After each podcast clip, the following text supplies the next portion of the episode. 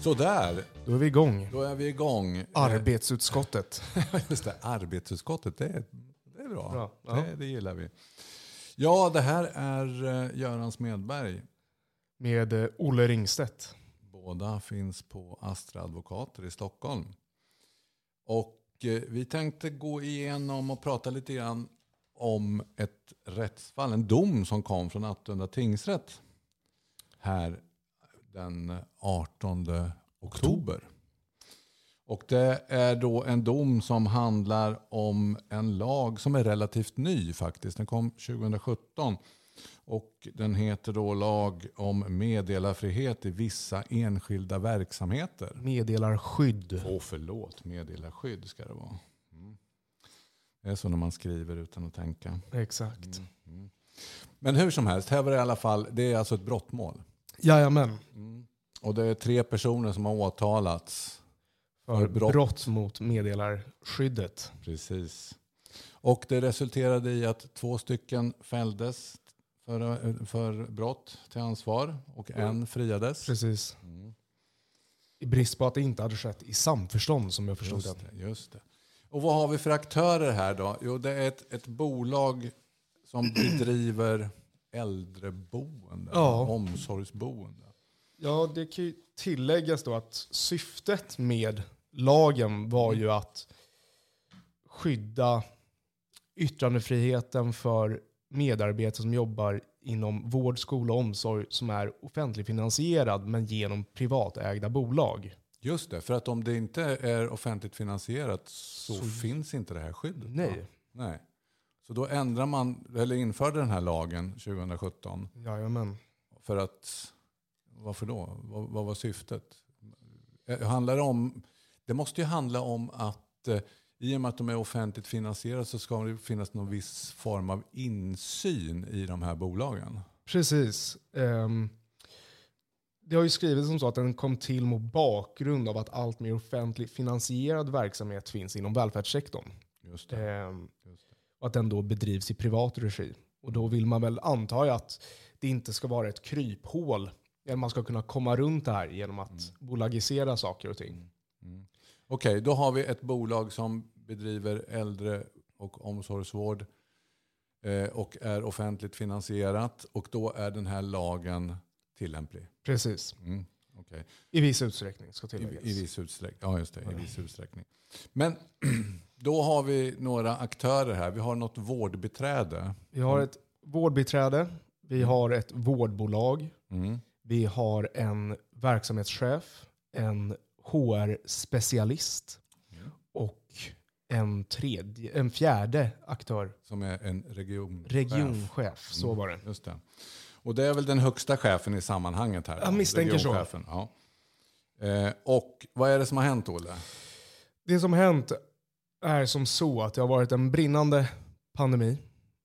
Ett vårdbiträde är lite missnöjd, eller orolig rättare sagt kanske, över hur eh, verksamheten har bedrivits på det här äldreboendet under pandemin. Och den pandemin du pratar om, det är coronapandemin. Precis så. Mm.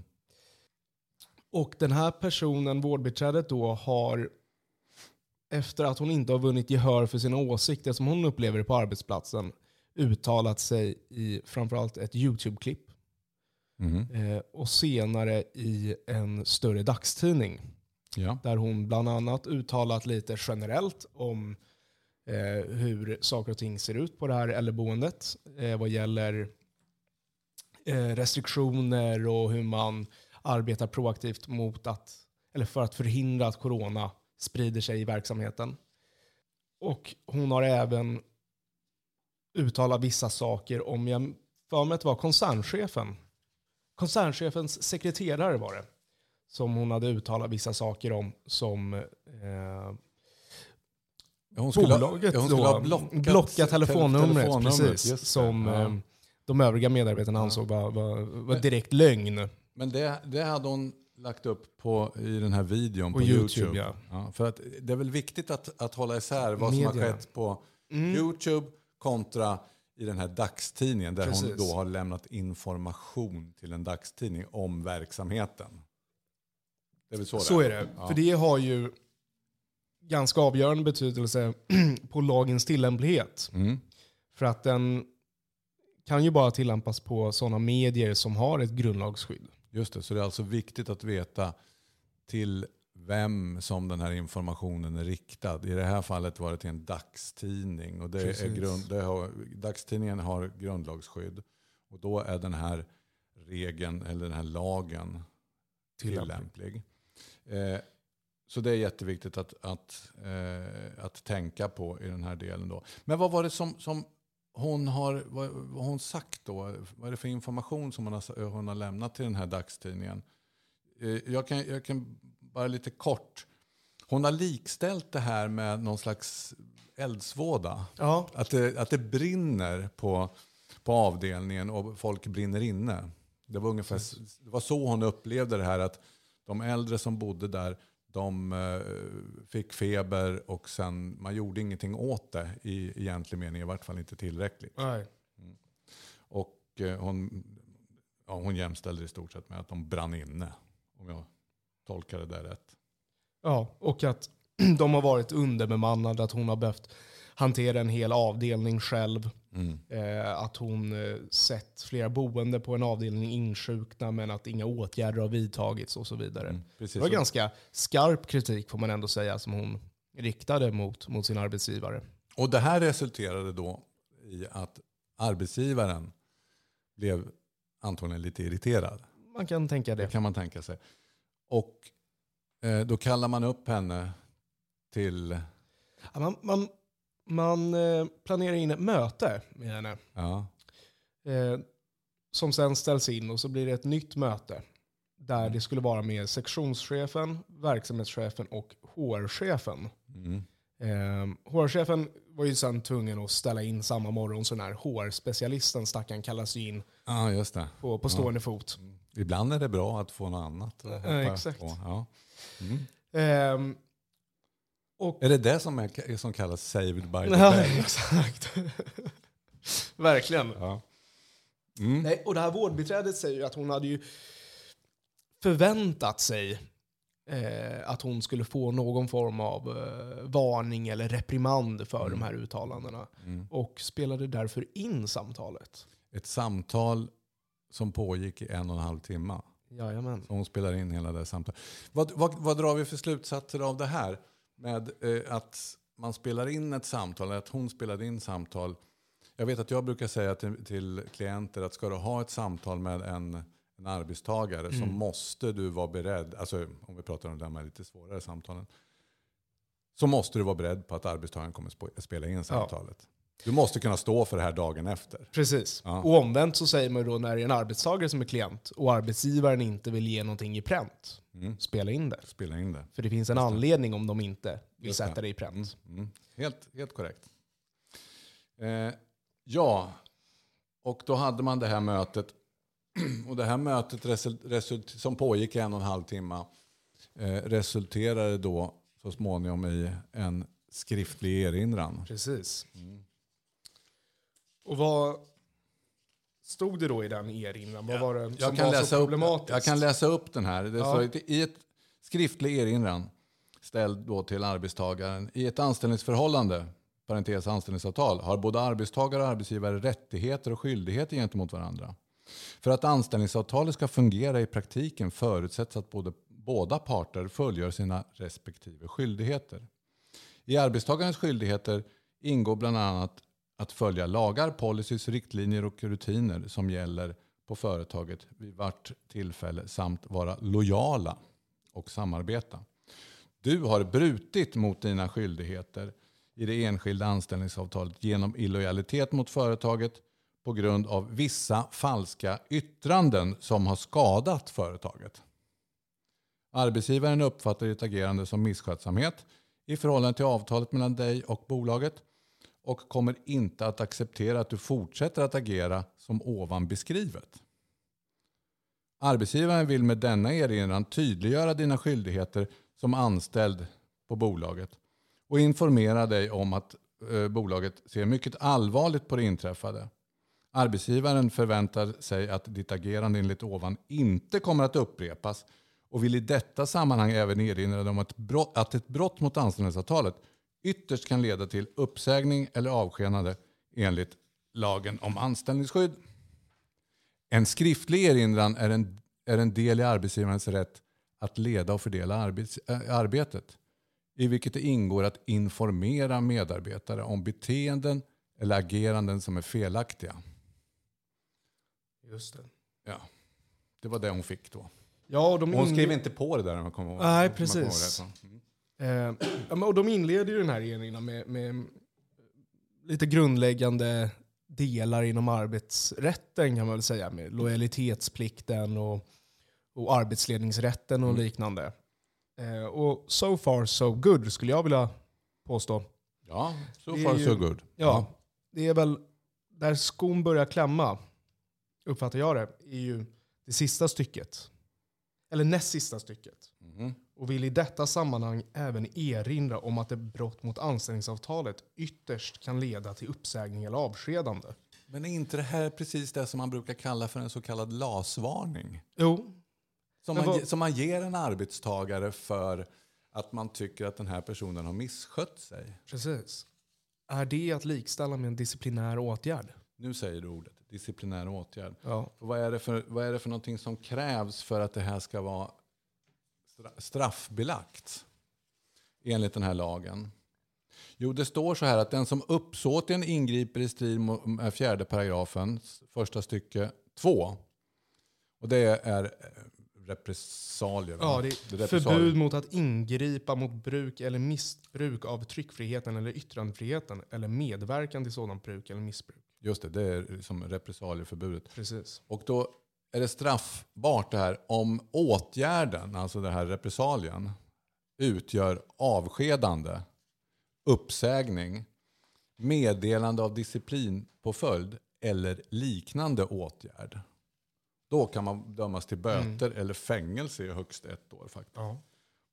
Och sen finns det också ett straffbelagt efterforskningsförbud här också. Precis. Och i det här fallet var det ju varken uppsägning eller avskedande som var för handen. Nej. Utan det var ju bara en skriftlig erinran. Eh, Ja, och är, den stora frågan blir väl här, efter att vi har ju passerat det här med, hon, ha, hon har lämnat information Precis. Den på, saken på, är ett förbi. sånt, på ett sånt sätt. Så, så hon har det här skyddet. Precis så. Mm. Information till tidningen. Mm. Då har hon det här skyddet. Ja. Men hon har inte det här skyddet om, om det bara hade varit YouTube. YouTube. Nej, det stämmer. Nej. Det är ju det här med ansvarig utgivare. Just och, det. Mm. Okej, så vi, där är vi klara.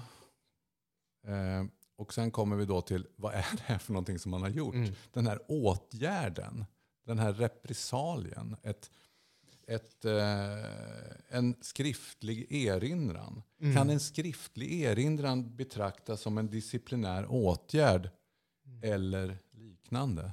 Ja. Knäckfrågan blir ju på något sätt, vad är en liknande åtgärd? Ja. Eller till att börja med, vad är en disciplinåtgärd? Eller disciplinär åtgärd? Vad är en disciplinär åtgärd? Ja, det här är ju en, eh, en svår fråga. En disciplinär åtgärd får man då enligt medbestämmandelagen 62 paragraf ge om man har stöd för det i lag eller kollektivavtal.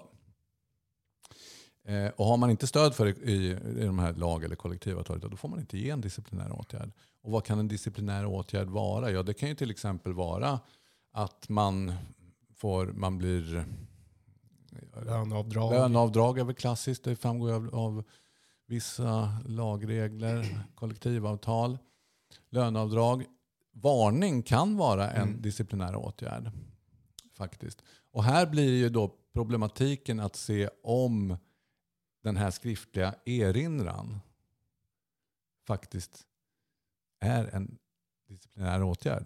Precis. Det skulle det kunna vara. För man säger då, om man tittar i rättspraxis eh, från Arbetsdomstolen, så, så säger man ju där att man kan liksom inte dra en, någon slags skarp gräns mellan Nej. vad är en disciplinär åtgärd, alltså en varning som är en disciplinär åtgärd, eller en varning, en så kallad LAS-varning som inte är en disciplinär åtgärd.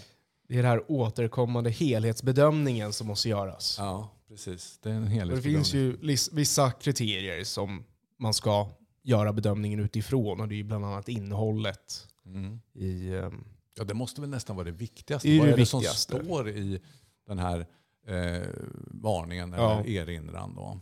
det man bryr sig inte så mycket om, om eh, hur, hur, den här, um, hur dokumentet så att säga eh, rubriceras. Utan det är ju vad det innehåller. Mm. Så, Eh, måste, så måste det vara. För- visst är det väl som så här att många tycker väl, och så är det kanske, att en erinran har någon slags lägre... s- Mindre, lägre- allvar, Ja, men ja, mindre allvarligt. Ja, Och det säger man ju också i de här domarna från AD att en muntlig varning upplevs inte lika negativt som en skriftlig. precis. Ja, ja okej. Och då, i de rättsfallen pratar man ju om en varning, de är från eh, 85, 86. Ja, 80, 86, 84. Ja. Eh, och, och de, eh, där har man ju då gett skriftliga varningar till, till arbetstagare och då skulle man i de domarna se om de var att betrakta som disciplinära åtgärder. Vad är det man tittar på då för att se om det är disciplinära åtgärder? Ja, men det är väl främst vad, vad, vad konsekvensen är Mm. och Vad är syftet med det? vad syftet är med den. Det måste finnas något form av... Det blir ju fel att prata om det i sådana termer, men det ska ju finnas någon form av uppsåt till konsekvenserna. Syftet måste korrespondera med konsekvensen av, av det hela. Mm. Vad är det huvudsakliga syftet Ja. tror jag de skriver i någon av de här domarna. Alltså innehållet i den här varningen eller om det nu är en erinran som det är i det här fallet. Sen pekar man ju de facto på att den är skriftlig. Ja. Och tycker det är en försvårande omständighet, eller vad man ska kalla det. Mm. Och varför ger man det skriftligt? Som jag brukar säga, ja, det är för att man ska kunna bevisa att man har Nej, Exakt. Eh, och sen eh, så, så pratar man också om vem det är som ger den här Mm. varningen. Alltså på vilket sätt som man, Precis. som man eh, lämnar en, en varning eller en, i det här fallet då en, eh, en erinran, skriftlig erinran. ska ju vara då verksamhetsutövaren Ja, som ger den. Och då kan man ju fråga sig vem verksamhetsutövaren faktiskt är. ja vem är det? I propositionen så har man ju någon form av, jag tror det är proppen, någon, någon ganska, man har en väldigt vittomfattande syn på vem verksamhetsutövaren är. Och det är väl egentligen mer eller mindre vilken person som helst som gentemot arbetstagaren kan anses representera företaget. Mm. Så det kan ju vara din närmaste chef, det kan vara din chefs närmaste chef, det kan vara då den här HR-specialisten. Vem arbetstagaren rätt att uppfatta som den som representerar Mm. arbetsgivaren. Mm. Och i det här fallet så var det då, ja vad sa vi, det var, det var verksamhetschefen, Sektion, regionchefen och, och HR-specialisten som hade ett möte med, med den här arbetstagaren.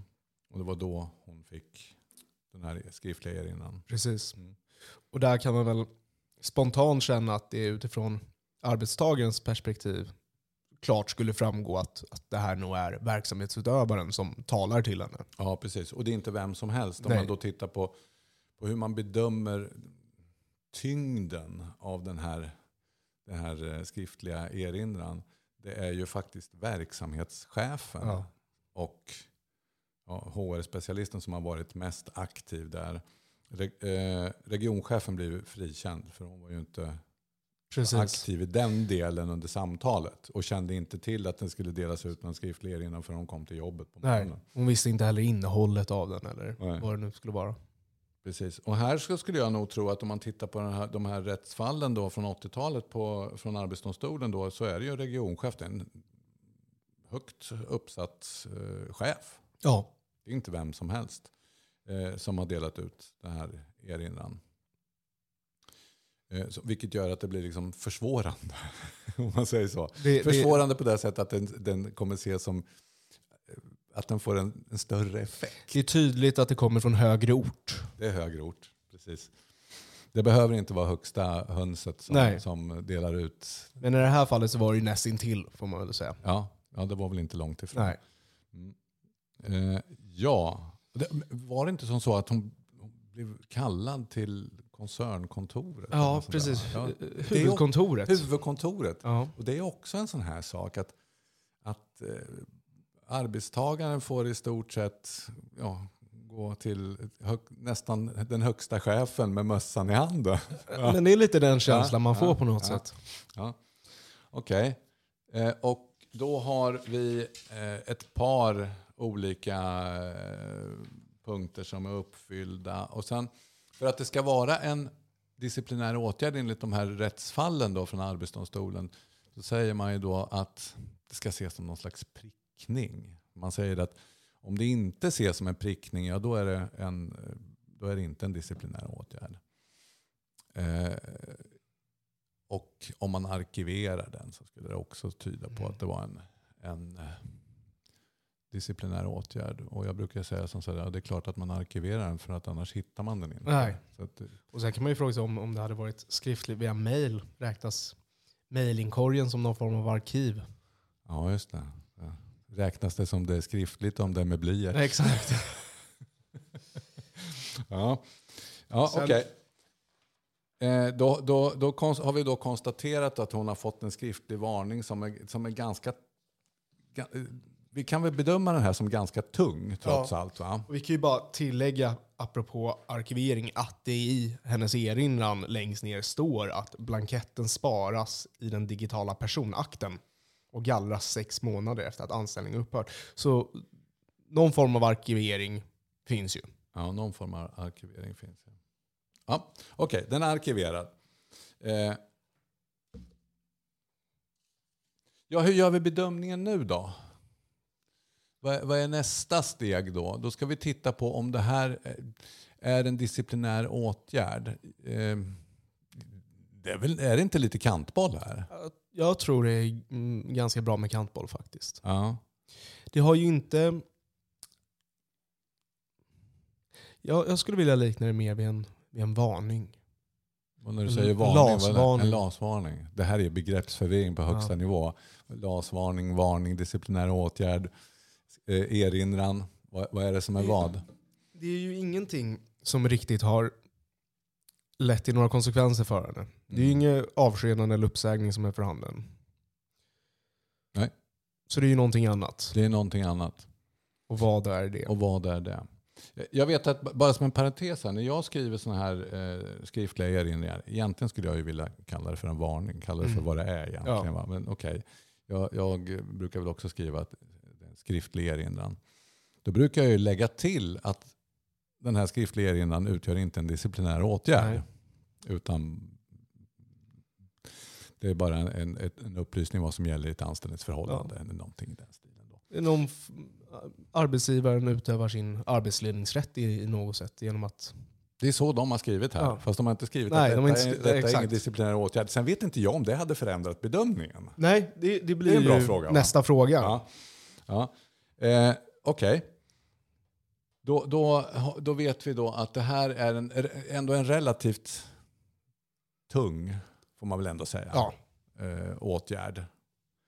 Och då hamnar man väl i den där eller liknande.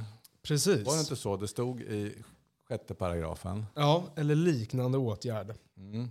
Li- vad kan en liknande åtgärd vara? Fanns, fanns det några exempel på det i... Eh, I proppen, I finns i alla fall ja. exempel. Och det är ju då med liknande åtgärd, nu läser jag till här. mm. Med liknande åtgärd avses ett ingripande som har en effekt som kan jämföras med de uppräknade åtgärderna.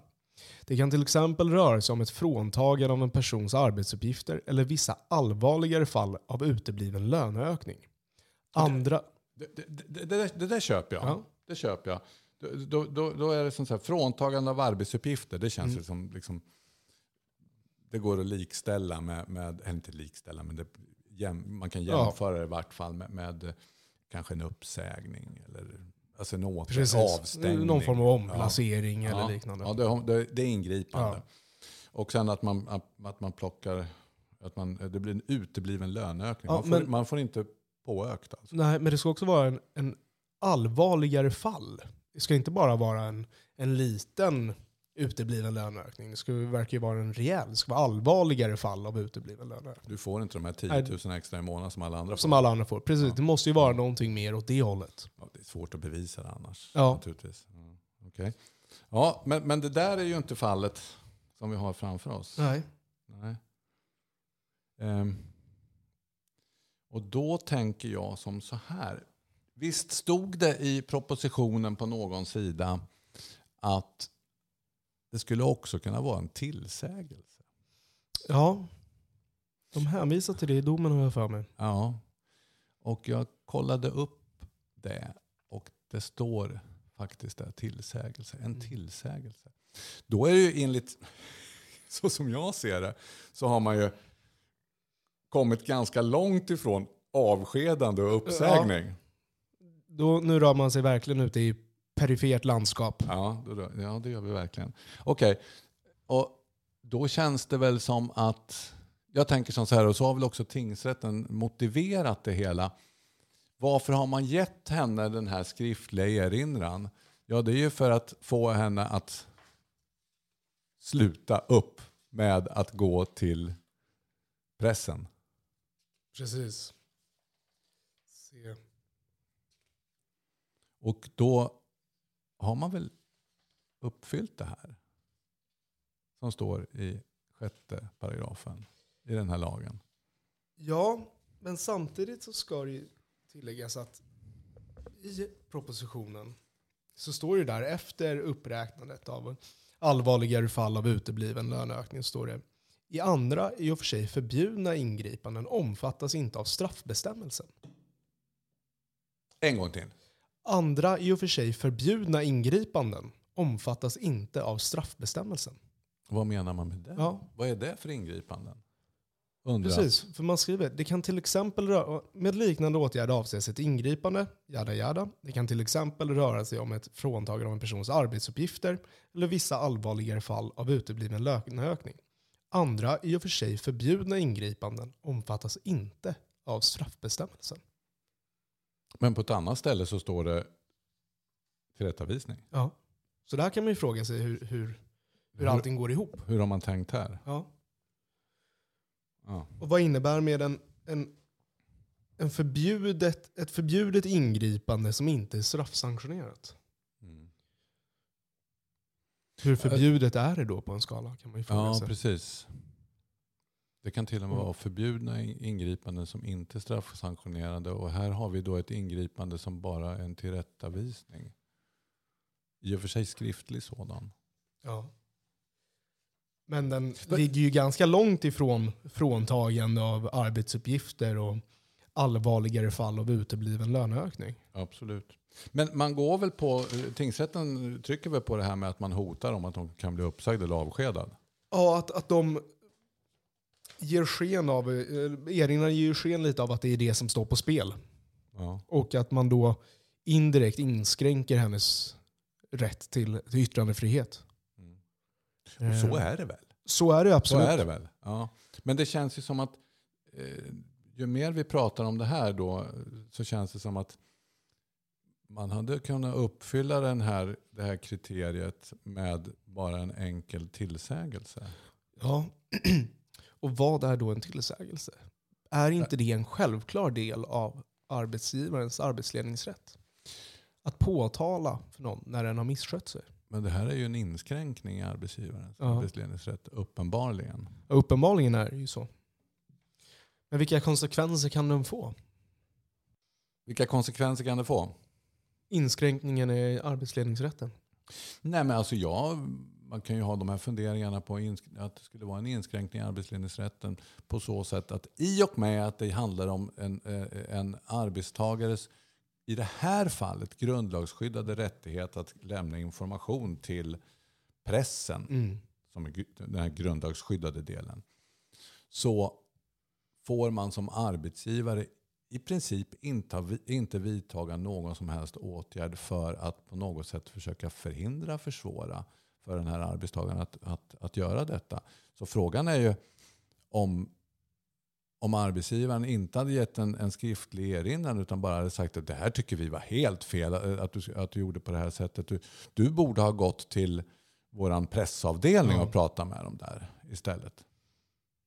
Ja, d- d- nej, men jag tänkte så här att eh, om man då ger instruktion till den här arbetstagaren att eh, du ska istället du ska vända dig till eh, pressavdelningen eller kommunikationsavdelningen eller vad det nu är för någon avdelning som man kan ha.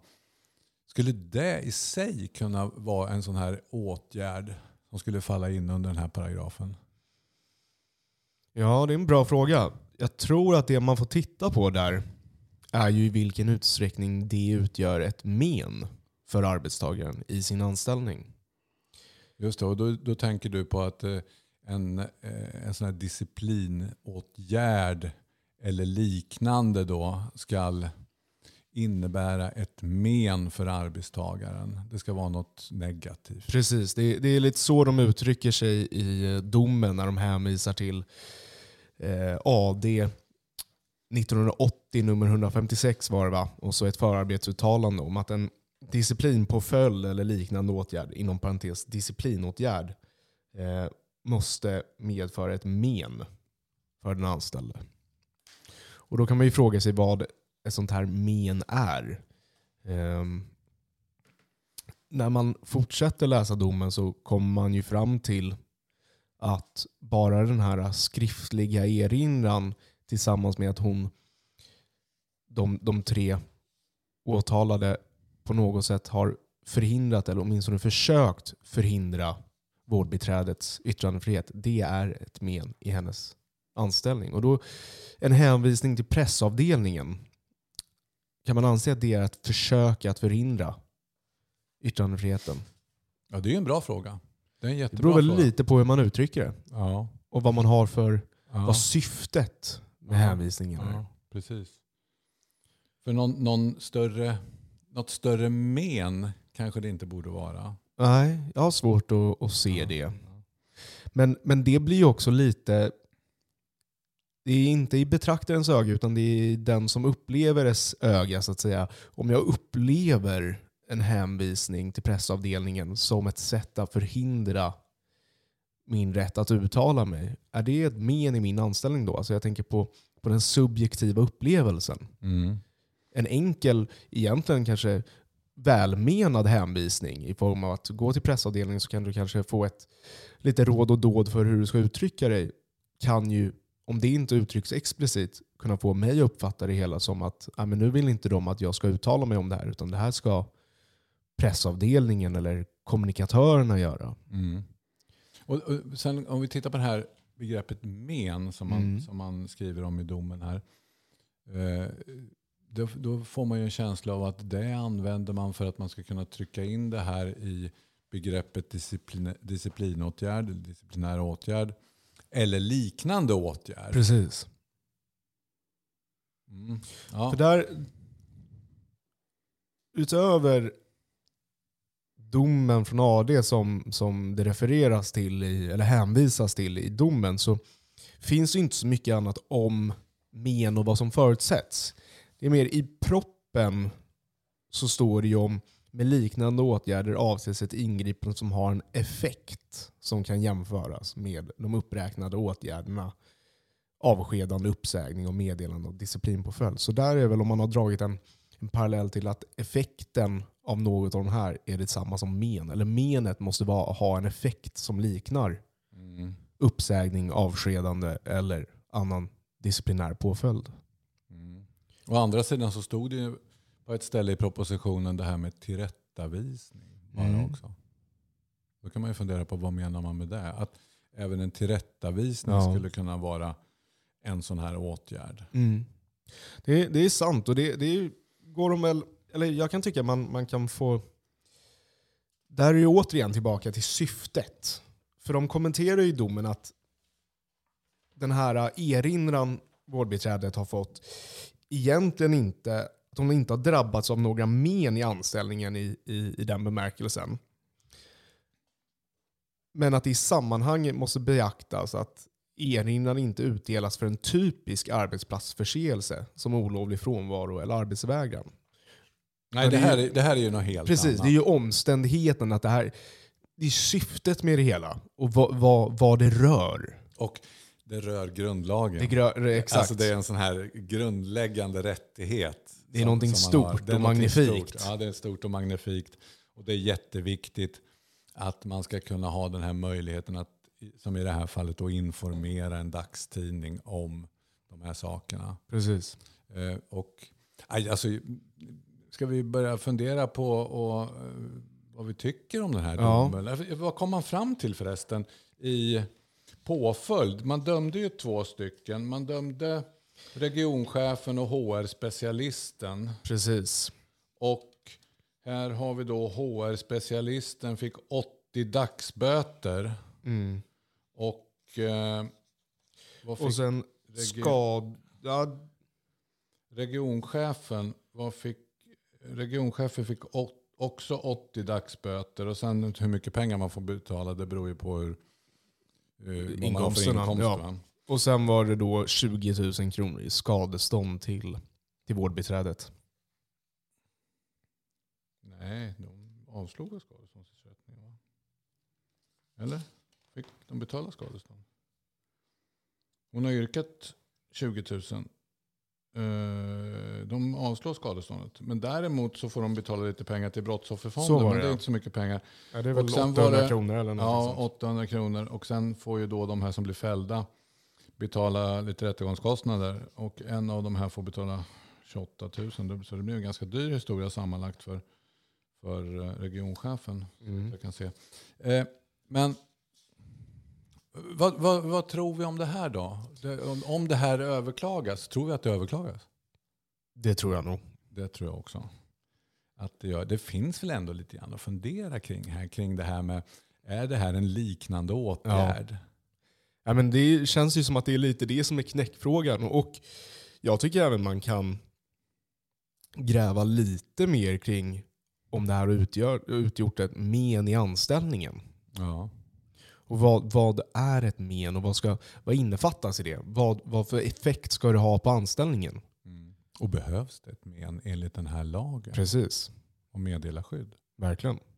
Det är en Eller annan fråga. Eller räcker det med det här, du borde gå till pressavdelningen eller kommunikationsavdelningen? Att man på något sätt mera, på ett mer subtilt sätt försöker styra bort Ja. så att inte medarbetarna går ut utanför huset och talar om saker och ting eh, som försiggår på arbetsplatsen eller inte försiggår Ja. på arbetsplatsen. Det finns ju onekligen mycket tycker jag att, att ta tag i och hade man suttit som ombud för, för någon av de åtalade så hade det ju känts som att det funnits en del att angripa i ett eventuellt överklagande i domen. För det finns en del frågetecken tycker jag kring tillämpningen. Ja, och det här är väl första domen i sitt slag vad det gäller den här lagen. Det är det.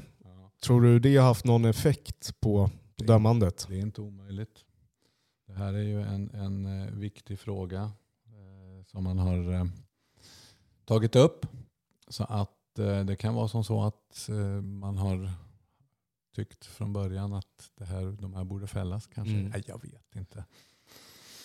Eh, ja, Nej, som man, sagt, de man kan ju här, inte sticka under stol med i alla fall att det, det skickar viktiga signaler i det här avgörandet. det skickar väldigt viktiga signaler. Eh, Men och det- frågan är om det kan ha påverkat bedömningen. Ja, det kan man Vi fundera, får fundera för guds kring. skull hoppas på att det inte har gjort det. Ja. För det vore ju förskräckligt rättsosäkert. Ja. Men, men eh, man kan inte undgå att tänka tanken.